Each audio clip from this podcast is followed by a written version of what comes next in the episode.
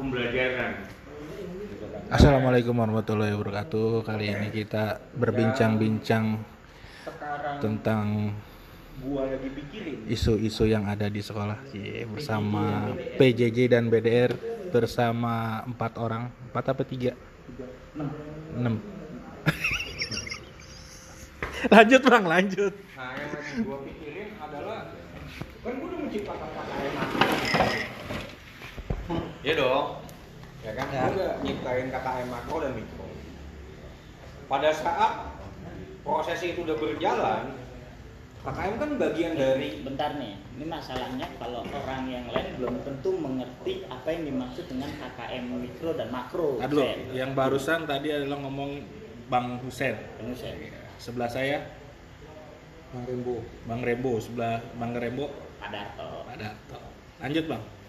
Enggak lu harus menjelaskan dulu nih eh, KKM mikro dan makro karena semua orang pasti awamnya adalah KKM KB KKM mapel KKM kelas dan KKM sekolah bicaranya seperti itu gitu Ya sebenarnya antara KKM mikro dengan makro itu nggak jauh beda dengan yang tadi lu sebutkan itu, gitu kan. Tinggal yang tadi yang kita bahas packagingnya aja, kemasannya aja. Karena kalau kalau untuk eh, olahraga, maupun olahraga, gua kalau buat KKM-nya yang seperti tadi sampaikan tadi ada KD segala macam, gua kesulitan. Ya gitu kan makanya gue pakainya KKM KKM mikro dan makro gitu kan. Agar gue lebih lebih gampang me, eh, apa ya me- melihat hasil akhirnya Yep. gitu kan. Nah pada saat KKM makro mikro gue bergeser ya nggak bro KKM makro mikro gue bergeser gue agak agak agak kesulitan juga nih. Kesulitannya begini. Anak yang tadi gua anggap kriteria dia punya nilainya nanti akan dapat 9 Hmm. ternyata setelah ini kita ngomong PJJ ya bukan ngomong tet- eh, tatap muka gitu kan. Karena gue tahu karena gue tahu anak ini waktu di kelas 2 sampai kelas 3 gue pegang motoriknya bagus gitu kan. Semua maunya bagus. Tapi ternyata dia tan tanpa apa eh, tanpa ada tatap muka seperti kayak ah gue males ah. Oh motivasinya hilang. gitu kan mas banget gue kayak gini gitu kan. Itu kan mempengaruhi karena kan yang namanya olahraga nilai olahraga itu nilai nilai absolut. Ya iya nggak sih? Hmm. gue nilainya sesuai sama yang lo lakuin. Betul. Kecuali kalau yang lain-lain ya kan? Kayak agama ada hairnya segala macam gitu kan dia kalau di hair juga begitu. Remedial pak. Iya media Bahasa kampus dia nggak dipakai. Remedial. Itu zaman gue dulu. Iya kan gue bilang. Ya remedial gitu kan. Dan nilainya begitu juga. Nah ini kan akhirnya mempengaruhi KKM gua. Nah ini yang jadi jadi jadi permasalahan lah buat kita khususnya untuk menghadapi PJJ ini. Nah karena tadi anak sudah boring Betul. ya kan? Dengan tujuh bulan yang nggak jelas ini. Betul. Nah sekarang ini kan udah posisi jalan 7 bulan nih Sen Iya. di sini ada panca ada Rainbow. topik. Eh iya rainbow. Lu sendiri termasuk Sen. Gue termasuk. Ya enggak di sini sebagai orang tua lu pendidik masuk ke dalam tenaga kependidikan yang anak-anaknya juga sekolah dan melakukan PJJ nah sebenarnya ada nggak kesulitan dari lu sendiri? Misalkan lu sebagai seorang pendidik lu harus memberikan materi kepada siswa tapi anak lu sendiri juga melakukan PJJ nah teman-teman di sini yang tenaga pendidik nih gimana sih cara membantunya gitu? Apakah pure sebenarnya membantu totally atau enggak sebenarnya? Gitu kita per-peran aja. Karena ya tadi gua katakan nanti hubungannya kepada sebuah objektivitas penilaian nih gitu Kalau gue sebagai orang tua, karena gue juga guru, gue Ya. mencoba anak ini yang pertama adalah kejujuran. Hmm. Di Indonesia ini banyak orang pintar tapi orang jujur sedikit bro, ya ya kan? Nah makanya gue coba Gue dari, bagian yang sedikit itu bang. nah gue pengen anak gue bagian dari sedikit itu orang yang jujur. Jadi biar bagaimanapun walaupun lu seboring apa, sebete apa, lakukan sendiri. Gitu kan, kita sudah kasih kasih fasilitas dong, ya kan di Hmm. rumah ada internet. Kalau lu udah buntu bisa googling. ya Gua ajarin seperti itu. tapi eh, sadar nggak sadar kayak misalkan kayak gue juga nih Hmm. gitu ya gue tetap bantu anak gue ketika anak gue bertanya bela dan Iya, sebagainya benar. Tapi kan itu proses pendampingan, bro. Yaps. Bukan kita mengerjakan soalnya. Iya. Ya kan? Tapi lu ngelihatnya mungkin nggak itu hal akan terjadi sama orang-orang di luar sana yang ngebantu pure bener-bener totali 100%. Ya, Anak kan? belum tentu tahu loh soalnya kayak gimana. Iya, kalau kalau untuk mapel-mapel yang bukan olahraga, kemungkinan besar ada. Ya. Gitu kan. Contoh misalkan satu kali lima berapa sih, Ma? Hmm. Iya ya sih. Ada kan ya gitu satu kali lima lima. Hmm. Jadi eh, orang ya kita nggak bisa nyalain orang tua juga karena orang tua kan tidak tidak tidak mempelajari proses satu kali limanya Iya. Gitu kan dia tahu hasilnya. nah tahu hasilnya aja tapi sebaiknya Hmm. saat dia kasih satu kali lima adalah lima dia harus kasih tahu prosesnya Dengan kesibukan dia ya orang tua ya. iyalah gitu kan ya walaupun tidak bisa maksimal yang jelas anak ini tahu bagaimana satu kali lima adalah lima Karena satu kali lima akan berbeda teorinya dengan lima kali satu loh ya. Benar. Kalau menurut Pak Panca, Kalau sebagai orang tua ya, orang tua totali gue nggak sama sekali nggak menyentuh. Menyentuh eh, pelajaran. Betul.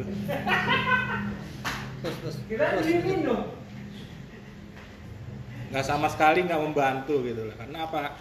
Gini eh, saya ada istri di rumah. Yang paling mumet yang paling kelimpungan adalah istri. Mengenai saya punya anak dua dua-duanya ketika ujian dua-duanya dari istri yang yang asli Oh, asli. nggak ada yang palsu Iya, pak iya, iya, iya.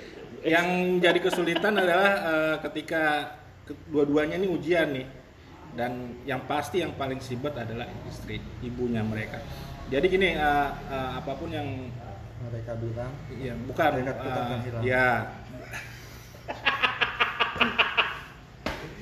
ya memang PJJ ini adalah sa- salah satu eh, apa ya kesulitan ya kesulitan bagi yang memindahkan tanggung jawab guru ke ibunya kalau menurut saya karena apa yang 100% berak- beraksi di sinilah ada sosok ibu kebetulan istri saya nggak kerja jadi bisa totali membantu gitu.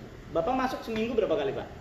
Satu Satu kali. Enggak, berarti sisanya itu apakah itu tanggung kan jawab? masuk Oh iya. saya tetap bekerja pak Oh, ini, WFH Bang, Bang Monca, eh, proses edukasi yang tadi tadi si apa eh, Pak Darto sampaikan itu Itu eh, apa dia.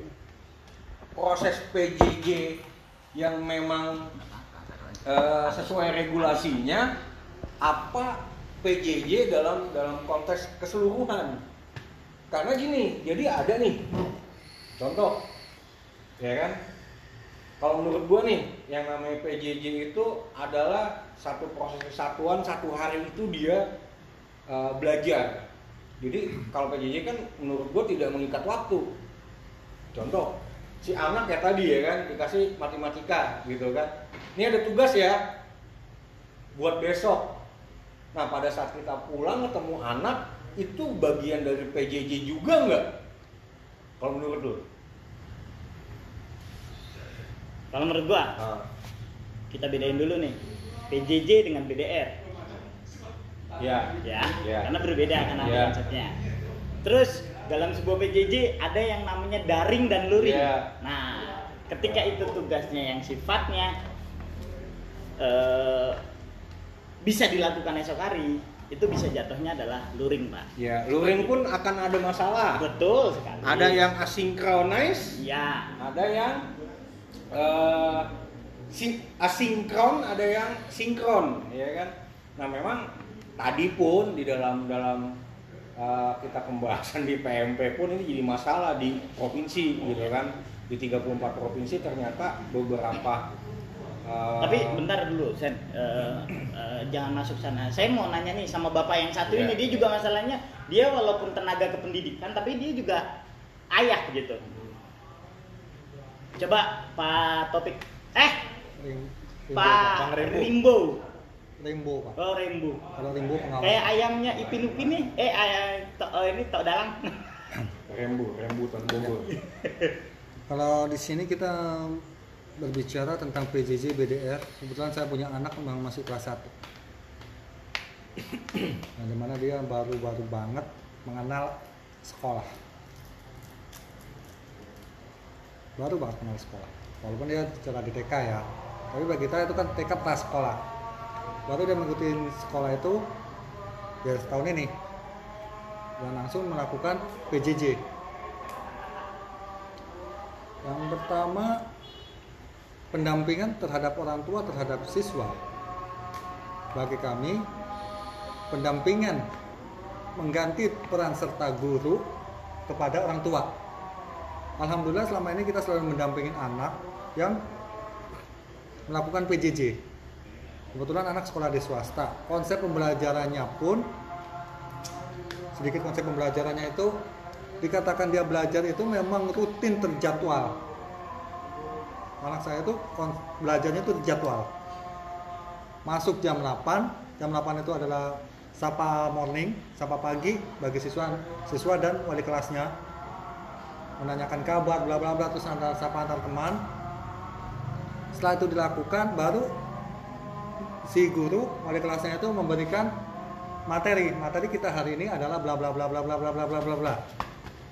Itu dilakukan tematik dengan tema satu diriku pokok pembahasan pembelajaran adalah A B C D E F G. Mereka menjelaskan. Mereka menjelaskan siswa itu mengikuti di akhirnya dia ngasih tugas. Nah karena masih tugas ini memang kan tidak maksimal ya penjelasan guru itu kan memang tidak ter- keterbatasan nah, anak kelas 1 ngikutin pembelajaran online.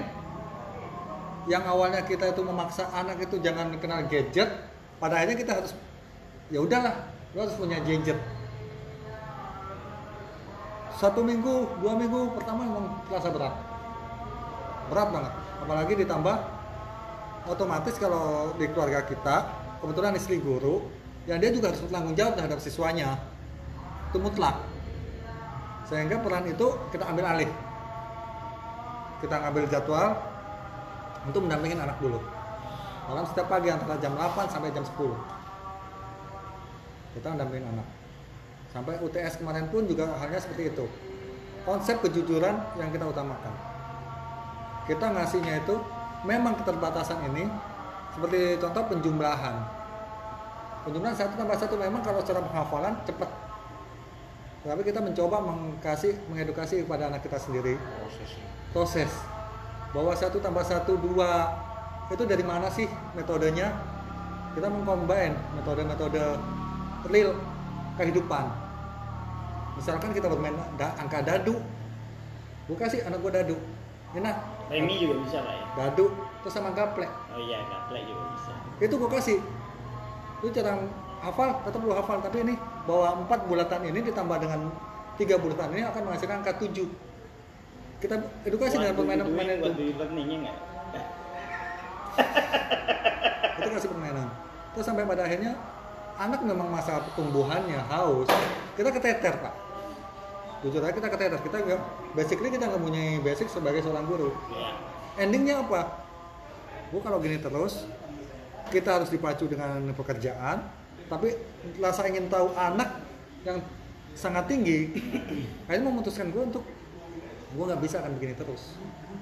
Lebih baik anak gue gue lesin deh. Les salah satu solusi. Bagi gue bagi gue pribadi tapi kita tidak mengatakan bahwa les adalah solusi.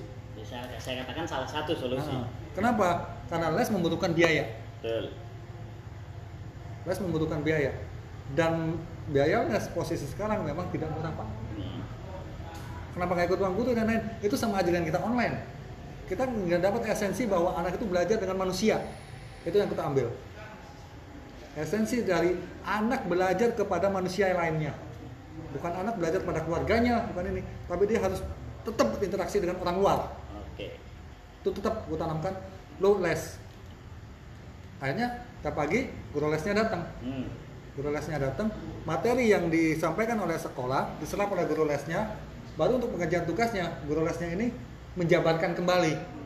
Dengan metode-metodenya itu bagi gue saat ini untuk mensiasati tentang PJJ ini.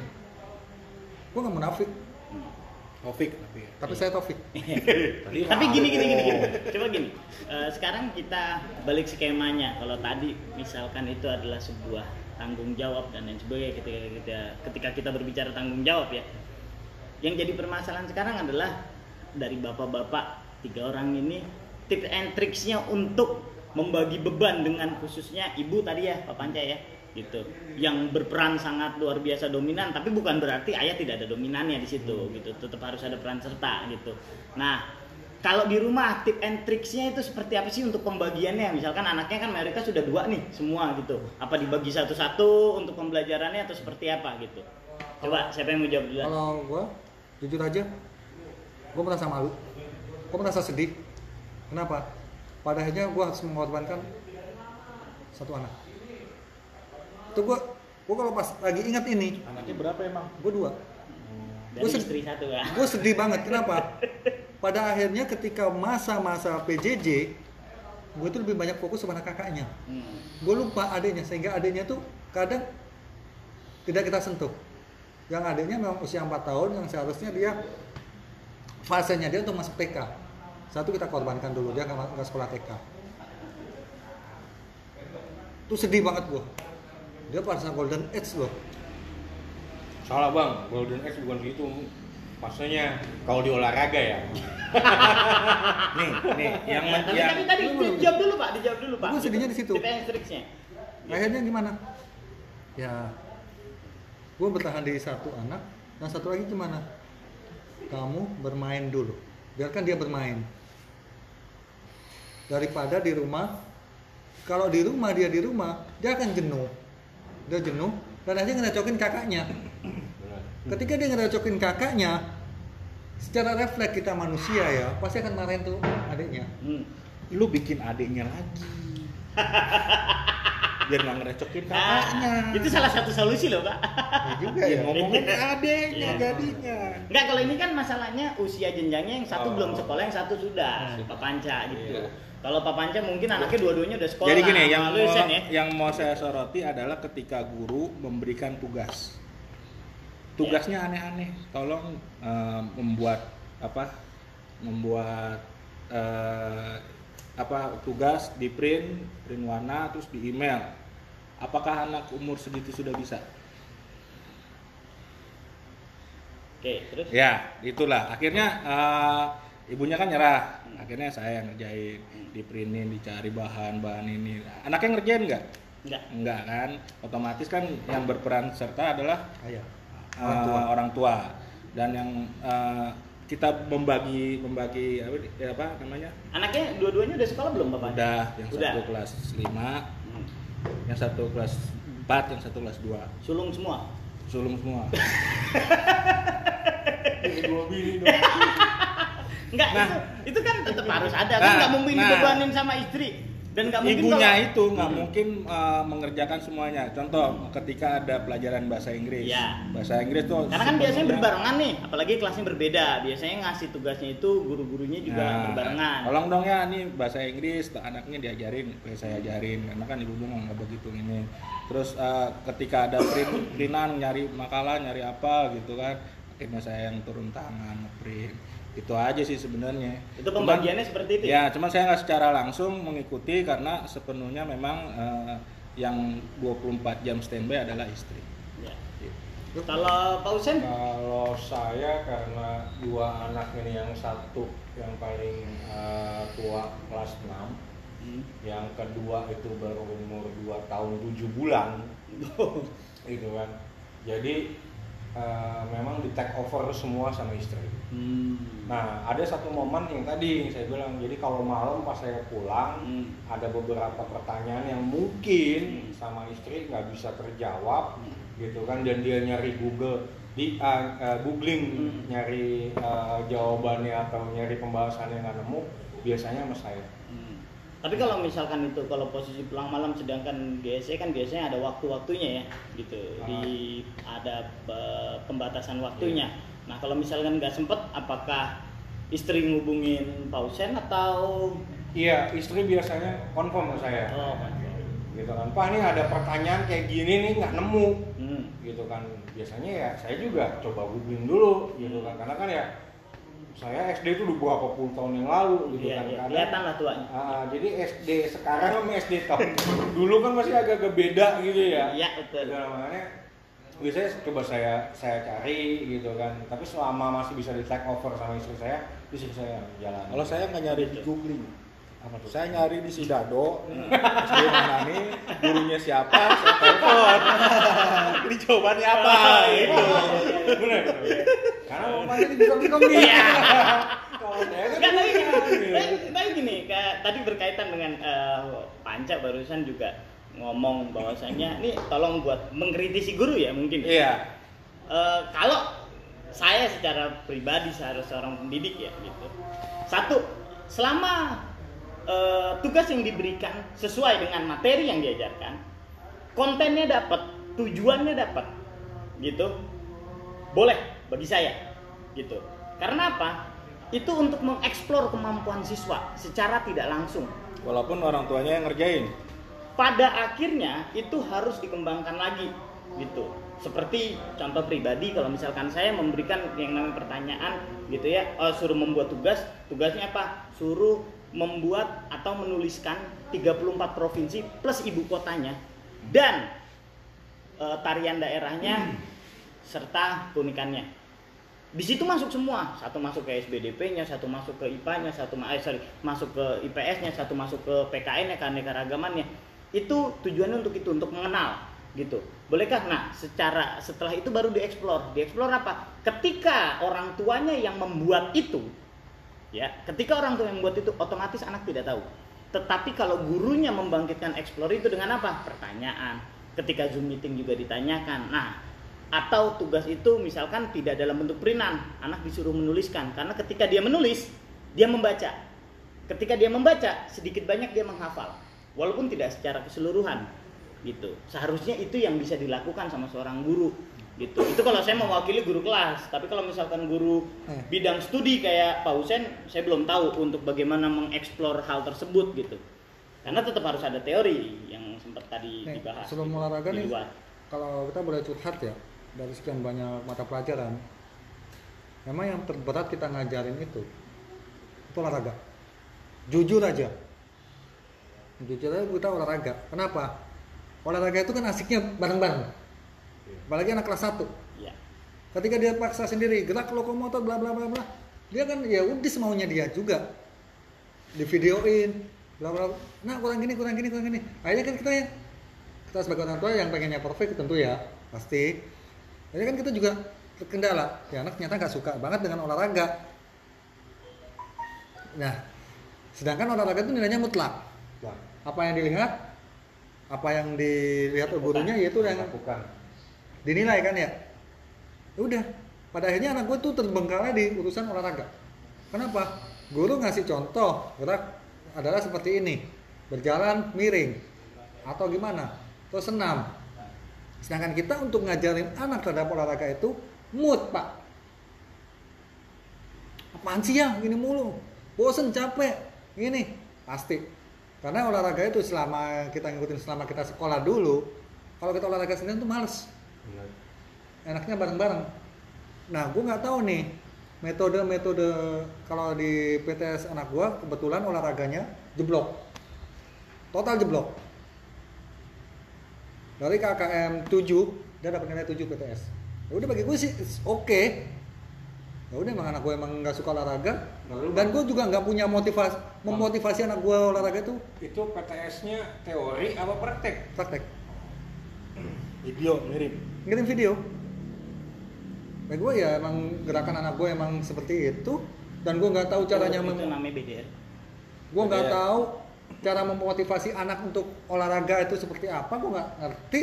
Ya udah gua udah sesuka dia aja untuk videonya seperti apa. Realnya dia gerak apa gue kirim aja. Real apa adanya. Ketika gue lihat uh, teman-temannya harus setting gini setting ini setting ini udah di rumah gue yang sempit gue punya cuma ini udah lu lakukan aja nak. Terus nilai itu tidak protes. Kok nilai kakak rendah ya? Olahraga ya? Ya udah emang gimana lagi nah dan sejak itu anak gua bukannya bangkit semangatnya. Pak, Males. males. Habis PTS dapat lihat nilainya dia tuh yang lainnya yang lainnya sih emang nggak bagus. 90 Lu bikin anak yang bajing. cerdas. bikin lagi. Bikin lagi. bikin lagi. Ya kan? Ya nilai-nilai lainnya kan waktu PTS-nya gua total nggak ngedampingin. Ketika dia nanya pun yang kemarin diajarin apa? Ya ingatnya kakak apa? Emang gua ajarkan tuh. Kemarin apa ya? Udah singkatnya aja apa? Jawab. Dijawab sama dia. Nilainya ada yang 80 ada yang 90 ada yang benar semua 100 bagi gue tuh it's okay walaupun teman-temannya tuh nilai 100 semua. Biarin aja. Bagi gue jiwa kompetisi anak gue harus gue bangun. Tapi untuk olahraga dia down banget. Eh, sorry sebelumnya. Sen anak satu yang udah sekolah punya gadget sendiri atau gadget bareng ibunya? Gadget sendiri. Gadget sendiri. Kalau Pak Rembo mau gue apa? Bareng. Bareng sama Yang istri. Yang ini? iya Ya, kadang kalau istri kadang Pak enggak Panca lebih banyak sama gue oh gitu kalau Pak Panca anak dua sekolah dua-duanya handphone dua atau handphone satu untuk eh, dua orang tersebut Masing-masing. Pak. masing-masing Iya. oh gitu dia dia gua fasilitasin laptop juga sama gadget juga hmm. Walaupun minjem ya. nggak masalah itu kan nggak usah Iya, diungkapin iya. pak gitu ya nggak nah tapi ada kendala nggak eh, Pak Panca kalau misalkan pas lagi PJJ BDR pada hari ini Ada kendala ketika pas saat sinyalnya down. sinyalnya Nah, dah itu yang paling stres ibunya itu. oh gitu Iya, ini udah gimana gua teleponnya. tapi dapat kuota nggak pak yang dari Dapat. ini dapat membantu nggak itu sebenarnya Ah, sebenarnya karena kita masih bisa masih nyanggupi ya, Hmm. masih bisa alhamdulillah. Gitu. Agak sedikit lah. Walaupun nah, emang eh, pem- pemakaian data itu memang cukup boros ya karena setiap hari udah pasti zoom. Eh, udah pasti tuh karena eh, eh, setiap apa wali kelasnya itu pagi-pagi udah pasti ngabsen. Gue pasti boros. Sedikit membantu lah. oh gitu kalau Husen apa nih kuota iya paket kuota sih kalau secara pribadi di gua ya bantu Bantu. bantu tapi jadi sia-sia juga sia-sianya karena di rumah kan pasang internet oh. pasang juga gitu kan Ini yang jadi permasalahan, Bapak tinggal di sekolah apa di Sekolah tinggal di Bapak? Nah, itu. Enggak, ngerinya kalau misalnya tinggal di sekolah, wifi sekolah Pak jatuhnya. ada ada di rumah pakai ini nah memang kalau tadi permasalahan bang Opi eh, bang Rembo yang disampaikan tentang masalah Saya susah Pak nyebut Bang Rembo topik kayak apa? ya topik ya Belet, nah. Karena permasalahan bang Opi tentang tentang PJJ untuk olahraga memang kita semua guru olahraga kitanya juga Hmm. kesulitan jujur kita kesulitan Hmm. karena tadi olahraga itu pelajaran olahraga idealnya itu dilakukan bersama-sama Hmm. pertama Hmm. memacu eh, apa kompetisi si anak Hmm. yang tadinya mungkin ya geraknya nggak bagus gitu kan oh kamu contoh si Anu biar kayak seperti itu gitu kan. Motivasi. ada motivasi dan ada nilai kompetisi di situ gitu kan. Nah saat seperti ini kita kesulitan. Kesulitan juga. Kesulitannya apa? Yang tadi yang kayak bang Opik bilang. Kalau yang lahan lahan rumahnya luas mungkin nggak masalah gitu kan. Tapi kalau yang mohon maaf ya gitu kan eh, saudara-saudara kita yang hanya kontrakan satu petak gitu Iya. kan. Itu nggak terkendala juga. Pada saat dia harus main dribble dia harus mantulin ke tembok iya itu kalau tembok kalau itu papan Ya. Iya kalau masih kuat, kalau udah rapuh, Hmm. nah banyak banyak permasalahan-permasalahan yang memang uh, kita harus putar otak, Hmm. putar otak bagaimana ceritanya nih sebenarnya kalau sampai tadi uh, harusnya juga guru untuk nilai KKM-nya gitu kan dan ya gini juga bang Opik, guru kelas ini kan ada guru olahraga ini belum ketemu sama si anak ya makanya kita nggak bisa nggak bisa sebenarnya janganlah ngasih nilai yang konyol juga gitu yang bisa buat anak-anak eh, apa namanya anak-anak eh, jadi down sebenarnya anak sudah mau melakukan buat saya itu apresiasinya udah sangat luar biasa loh. nilainya ya gitu kan bicara nilai harusnya udah sangat minimal luar biasa KKM lah gitu ya. Nah, minimal di atas KKM lah gitu kan. Jadi kalau sampai dia di bawah KKM atau nilainya hancur gitu kan, aduh, sian juga gitu kan. Karena di saat pandemi seperti ini dia mau melakukan semua pembahasan atau pembelajaran yang kita kasih itu udah apresiasinya harus udah luar biasa gitu kan. Itu. karena tadi kita terkendala nggak tahu psikologi si anak kalau anaknya mutungan repot kita kan dan itu yang memang terjadi akhirnya setelah habis PTS tugas tuh nanti aja ya capek akhirnya dia malas untuk mengerjakan tugas karena ya emang kita sebagai orang tua gue ngakuin juga gue salah. Salahnya di sini karena kita nggak pernah berpikir bahwa itu pandemi ya. Iya. Di TK kita mengajarkan bahwa dia itu kompetisi nak. Begitu dia dan di TK dia memang selalu mendapatkan juara. Ketika di DSD dia jatuh di PJJ-nya tentang olahraga ini dia memang kayaknya udah males untuk melakukan suatu olahraga terakhir ini dia mendapatkan tugas eh, olahraga bersama orang tua. Sendiri. bebas olahraganya apa aja. Orang tua sendiri ya orang Iya. tapi tapi dulu bang sebelum ngomong lebih jauh ah, bang Opek sendiri dikasih nggak saduran kurikulum yang dipakai sekolah tersebut? Karena kan kurikulumnya kan sudah mulai ada perubahan. Ada kuri- kurikulum yang disederhanakan sama kurikulum yang covid punya Namanya kurikulum darurat. nah ya ini disampaikan yang mana nih Kalau di saya itu setiap minggu, setiap Senin atau Jumat, kita itu selalu setoran itu setoran tugas dan kita mendapatkan rangkuman materi. Rangkuman materi tema ini, kegiatan ini adalah ini ini ini. Tapi di sini nggak ada nggak ada olahraga pak, karena olahraga otoritas kata dari guru wali kelasnya itu olahraga nanti langsung dihandle dengan guru Guru olahraga. guru olahraganya. Iya. Jadi tidak masuk dalam rangkuman ini. Nah, maksudnya kayak Bang Opik sendiri sudah menyampaikan belum nih komunikasi ke guru olahraganya gitu kan maksudnya. Jadi nanti aneh kalau kurikulum yang disederhanakan atau kurikulumnya darurat, tapi proses penilaiannya adalah kurikulum normal, wajib dikomplain.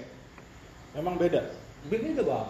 Bedanya itu apa di dari segi penilaiannya atau Loh iya dong.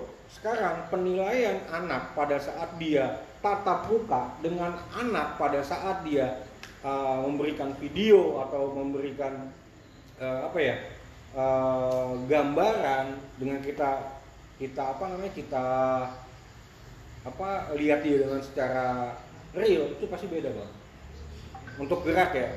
Pada saat dia gua berdiri nih. Pada saat di depan guru, dia pasti akan terlihat, wih, gua mau oke nih. Pengalaman gua ngajar olahraga ya anak-anak gitu kan. Wah, di depan Pak Husen gua harus keren nih. Pada saat di depan orang tuanya, dia biasa aja. biasa aja karena tidak ada yang menyaksikan Nah, gitu. biasa aja. Apalagi ini di luar, anak di luar daripada itu, setiap anak itu punya karakteristik kan masalahnya. Gitu. Di balik dari otak kiri dan otak kanannya manusia, setiap anak itu ada yang memang mereka eh, sangat cerdas dalam eh, ranah kognisinya, tetapi dia sangat sulit dalam hal psikomotoriknya. Tapi ada juga yang berkebalikannya, gitu.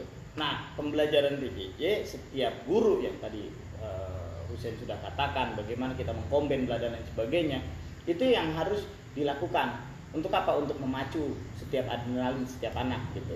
Kombennya itu tujuannya adalah untuk yang namanya bisa sifatnya mengeksplor.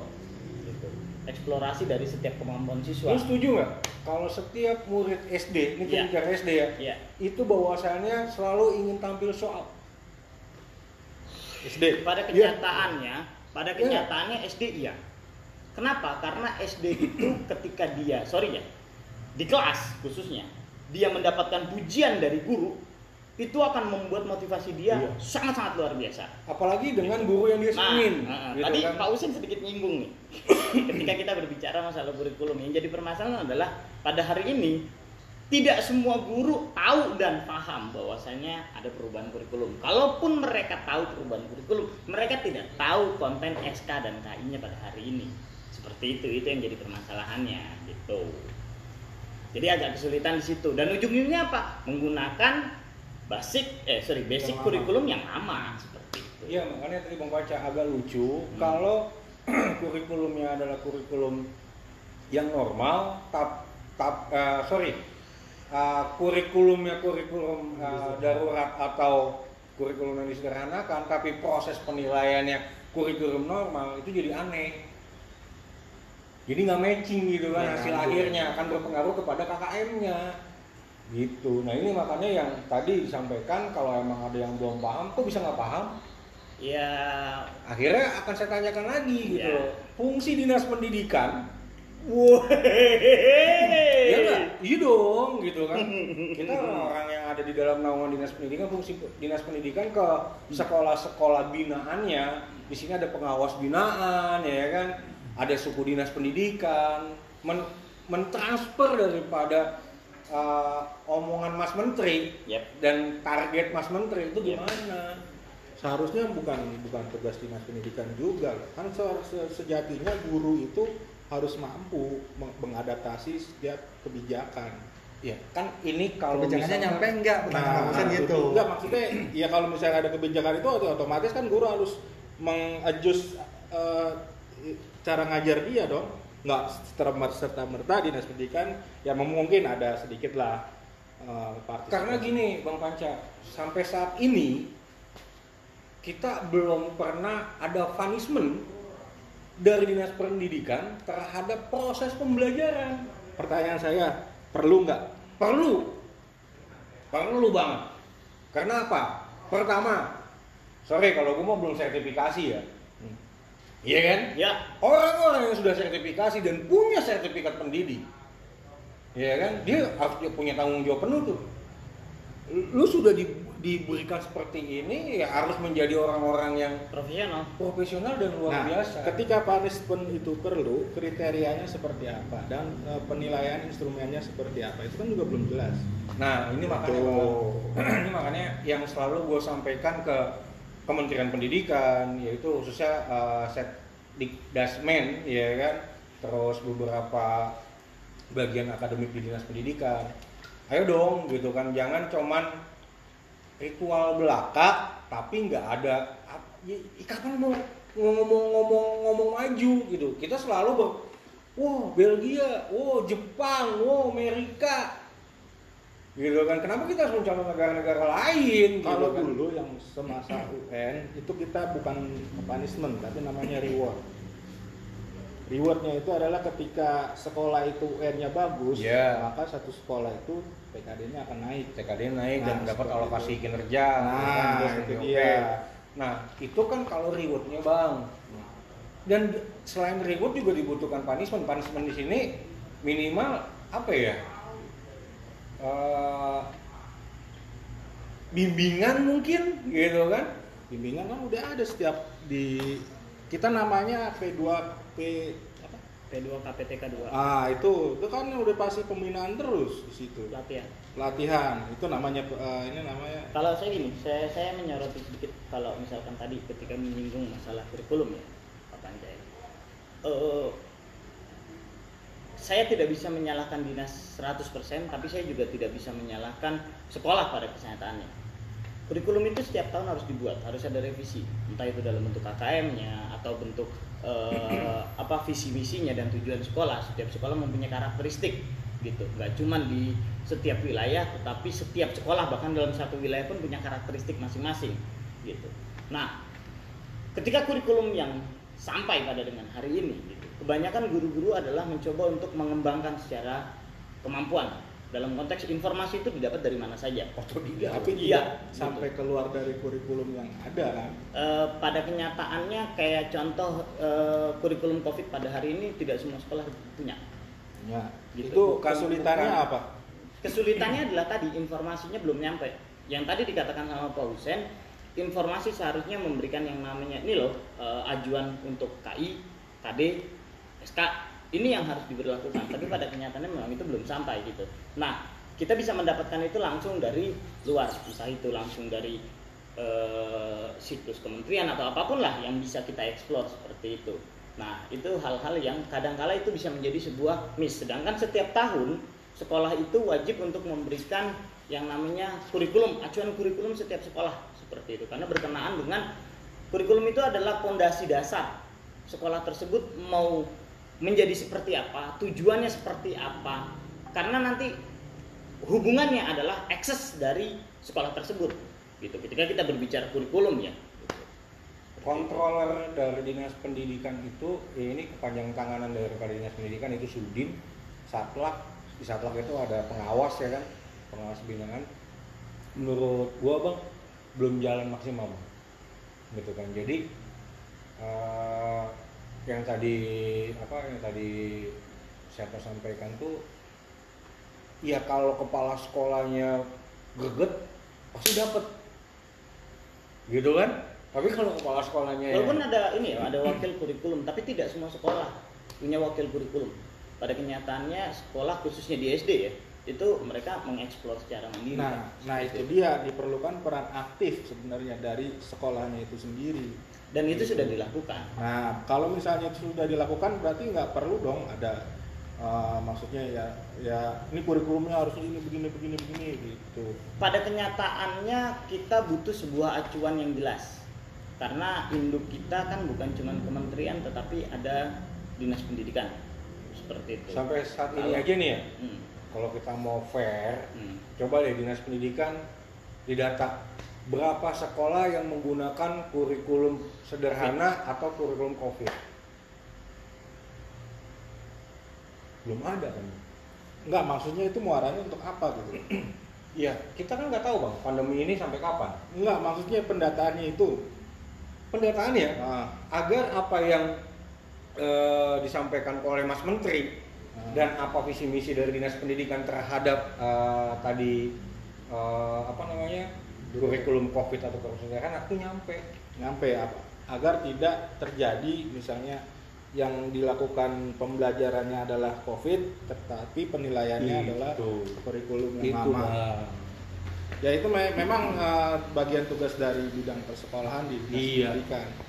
Kenyataannya memang itu adalah eh, susah ya karena kita memang juga terus bekerja, eh, terus apa berkolaborasi antar bidang kita sebenarnya sih eh, banyak yang pengen di menjadi suatu rumusan menjadi suatu kebijakan gitu. agar nanti sekolah-sekolah diaplikasikan sekolah dan menjadikan satu kurikulum yang yang dipakai. Ya minimal minimal ada tatanan baku, tatanan baku pada saat ya pandemi ini kita nggak tahu sampai kapan gitu kan tatanan baku yang yang yang jangan sampai nanti kejadian di di sekolahnya Bang Opik itu terjadi juga gitu kan di tempat-tempat lain gitu kan kan agak aneh akhirnya gitu.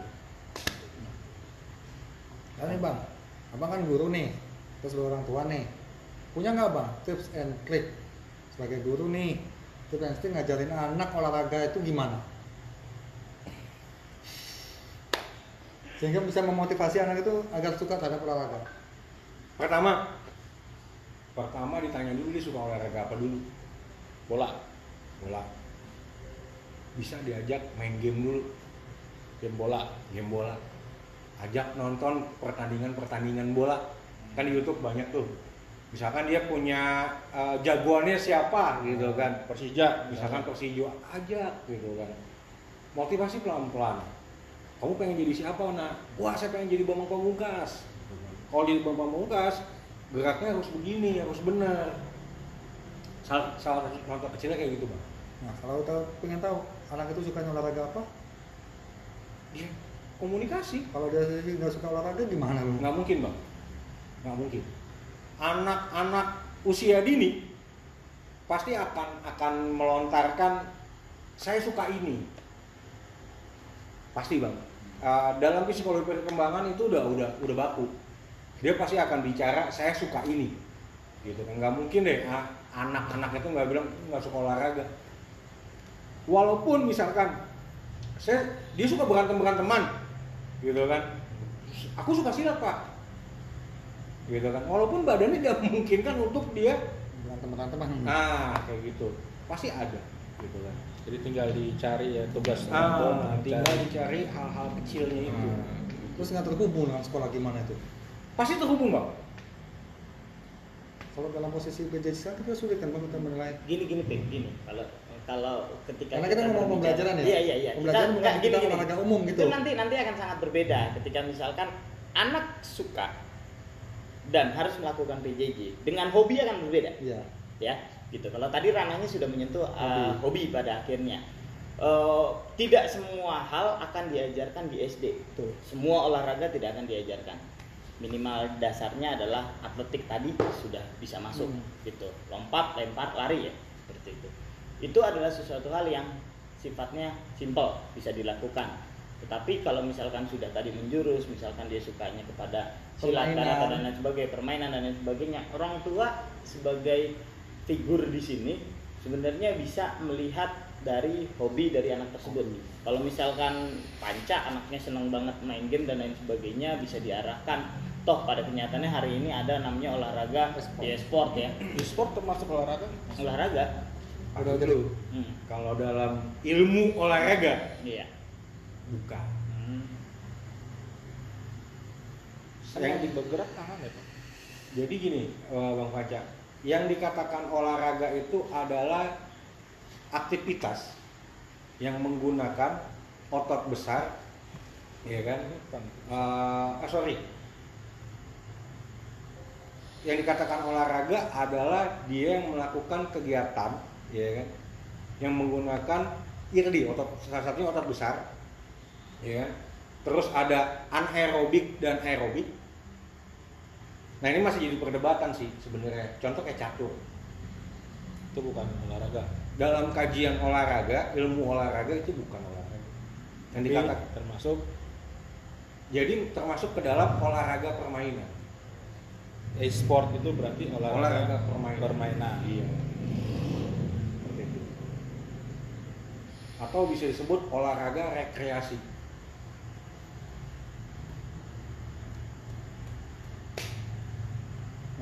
kalau Pak Damar nih, Hmm. Bapak kan sebagai guru, ya punya anak juga. Mm-mm. Bagaimana Bapak terbentukan nggak antara mendampingin anak?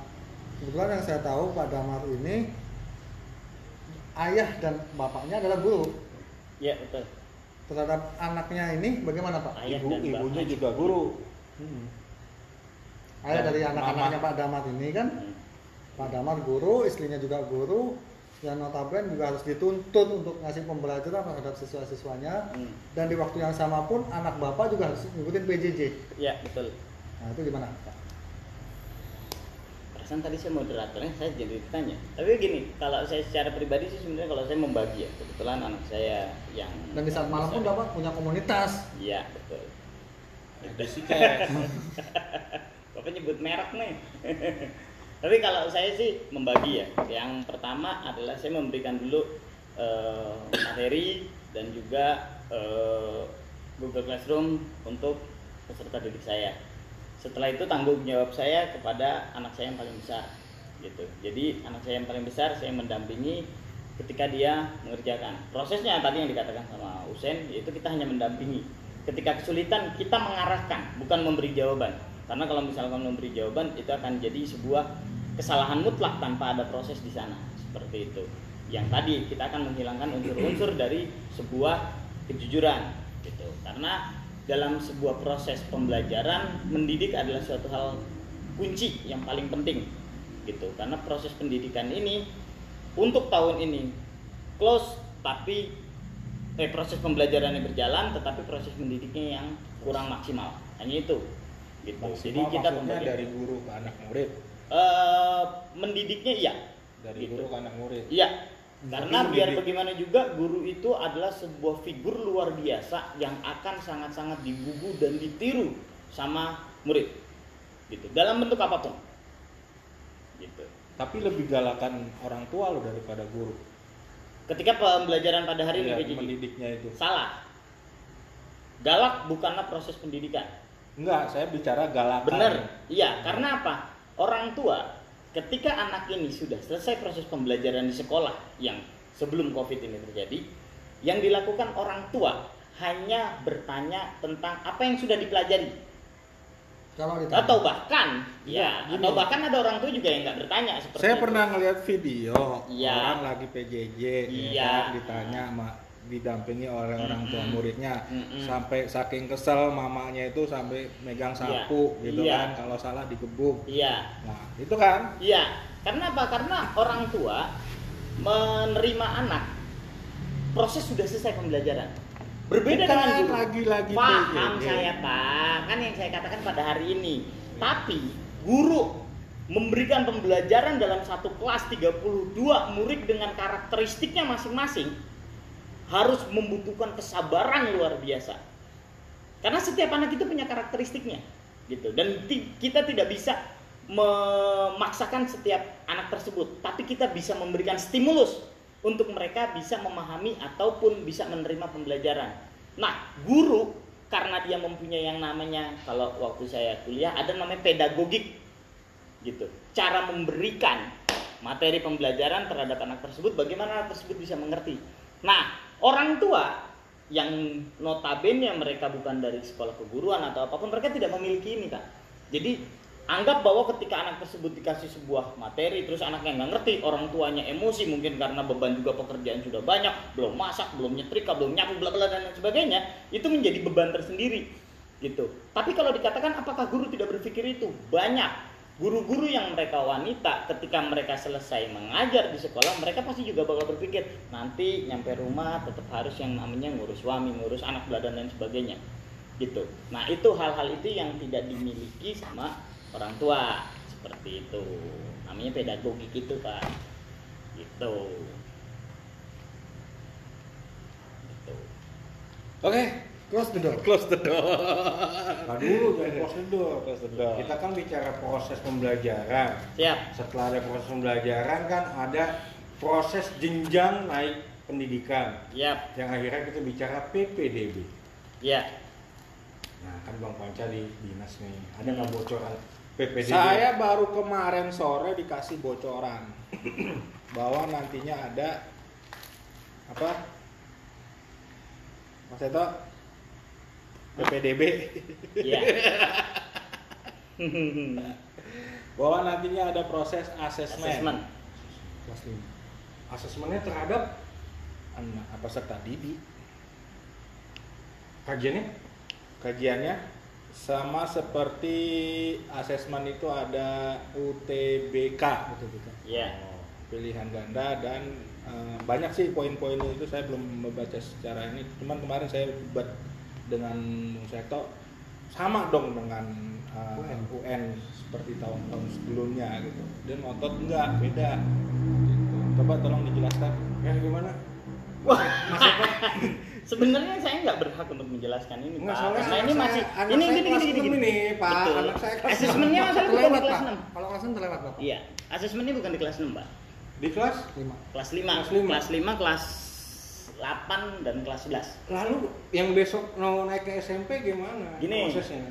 itu dia yang saya Untuk katakan PPDB. saya tidak bisa ya kalau untuk permasalahan PPDB nanti hubungannya ke Pak Panca kembali ya karena permasalahan PPDB itu kita harus merujuk kepada kementerian merujuk lagi kepada pergub dan lain sebagainya akan panjang tapi eh, poin pentingnya di sini adalah assessment merupakan salah satu butir untuk penilaian evaluasi di dalam sebuah akhir sebuah pembelajaran nah di sini sebenarnya sedikit eh, apa ya kalau dikatakan tadi kita mengikuti pola pembelajaran yang sudah ada di negara-negara eh, di negara-negara maju ya.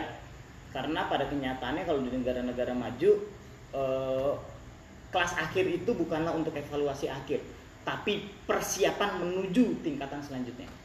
Itu yang dilakukan. Nah asesmen di sini formaturnya nanti akan seperti apa dan sebagainya kita tunggu hasil dari kebijakan dari kementerian karena yang berhak berbicara itu sebenarnya Enggak, kementerian, saya saya saya. mewakili orang tua pada umumnya nih. Siap. Yang saat ini Mm-mm. uh, mempersiapkan anak-anaknya untuk naik ke SMP, ke Betul. SMA gitu kan. Betul. Nah, selama selama eh, peraturan dari kementeriannya belum berubah, Mm-mm. itu akan tetap seperti tahun sebelumnya. Umur Berarti ini. dengan berarti dengan PPDB Covid gitu ya. saya nggak bisa mengatakan karena kan kalau PBDB tahun depan saya nggak tahu apakah kalau kata Nah, Pak kalau Presiden tidak ada perubahan perubahan permen, maka Iya. akan dilakukan adalah seperti tahun sebelumnya. Tahun tahun ini istilahnya kan berarti untuk tahun depan. Tahun sini kan eh, masih mengacu pada umur. Tapi bisa dipastikan nggak kusut lagi kayak kemarin ya. Maksudnya ya kan kemarin terlalu kusut tuh kayaknya gitu kan. apanya kusut? Sudah cukup jelas kok. Ada jalur afirmasi, ada jalur eh, prestasi. bersinggungannya ke sini ada jalur umum ada macam-macam itu udah itu sebenarnya ketiga ini udah cukup mewakili gitu. Enggak gini Bang Wancak, Eh, itu kan itu kan eh, tatanan yang memang memang yang eh, dibentuk oleh dinas pendidikan seperti itu. Tapi kenyataan di lapangannya kan mungkin Bang juga tahu gitu kan kondisinya bagaimana. Terus saya nggak tahu pak, coba jelasin. Ya ternyata contoh Eh, ada satu kasus di mana si anak sudah pernah bersekolah di SD eh, di SMP swasta. ya, Dia kelas 1. ya. Tiba-tiba Hmm. karena ini berlaku umur Hmm. dan tidak ada pengikat daripada nicknya saat itu Hmm. Gitu kan akhirnya dia daftar lagi nih Hmm. karena dia umur udah udah tua ya kan pilih SMP yang yang apa namanya SMP yang favorit Hmm. dia keterima Ya. Menyalahi aturan nggak? menyalahi Oh, aturan mana? ya kan dia sudah pernah sekolah Emang eh, di PPDB ada yang menyebutkan? nggak ada sih Nggak nggak ada. di kan? juklak juknisnya nggak ada Nggak tapi itu ada. seakan-akan di permen tidak- di permen pun tidak ada bahwa yang sudah pernah sekolah tidak boleh mengikuti PPDB. Yang ada adalah batasan umur. Umur di SMP dari umur 13 ya, 13 apa 15? 13 Batasan sampai SMP 18. Nah, Nah, itu ketika dia umurnya cocok eh, apa namanya eh, jaraknya cocok, terima. Nah, karena memang tidak ada aturan di situ. Aturan di Bahwa yang sudah bersekolah tidak boleh mengikuti PPDB. tapi kan akan ini di luar ya bang ya? Hmm. tapi kan akan bermasalah juga podiknya Dapodiknya? iya Dapodiknya kenapa? dia kan sudah pernah sekolah akan menjadi NISN Enggak, ganda. enggak, enggak ganda. Tetap NISN itu melekat di Melekat. dirinya. Cuman dia Hmm. akan balik lagi ke Kalau gue menyikapi ini dimutasikan iya mutasi, jatuhnya mutasi. Nah ini yang gue menyesalkan itu ketika PPDB kemarin itu yang dinyatakan konsep keadilan kan selalu mendengungkan konsep keadilan ya. Ya. Distrik DKI mengkomodir konsep keadilan dengan berbagai fase perseleksian, afirmasi, prestasi, zona, ada zona juga kan di situ. Zonasi. Ya, Hah? zonasi RTW Enggak, bukan yang itu. Jalur umum namanya. Hmm, tapi kan dibagi lagi lokal non lokal tuh yang ada juga kan. Lokal apa?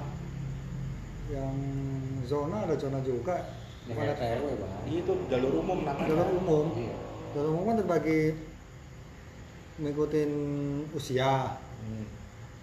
dari usia dulu prestasi jalur prestasi udah nih terus jalur DKI non DKI itu kan kan zona sih menurut saya Hmm. Itu kan zona. Terus yang eh, batas kecamatan nggak bisa lempar gitu kan? Bukan batas zona provinsi ada irisan, zona irisan. kecamatan kan ada zona gitu juga. It's okay. Mungkin mengikuti menurut asas keadilan. Tapi asas keadilan itu tercederai. Tercederainya kenapa? Emang kenapa sih tidak diba, tidak dikunci seperti PPDB sebelumnya itu terhadap nik anak yang memang dia memang udah sekolah terdaftar di sekolah A misalkan Ini, ini dia ini nih. I- itu uh, tidak ada aturan. Betul. Karena itu tidak ada aturan, maka itu bisa dilalui. Ketika nih anak nih tahun kemarin dia nggak dapet nih karena tahun kemarin seleksinya pure nilai ya. Hmm.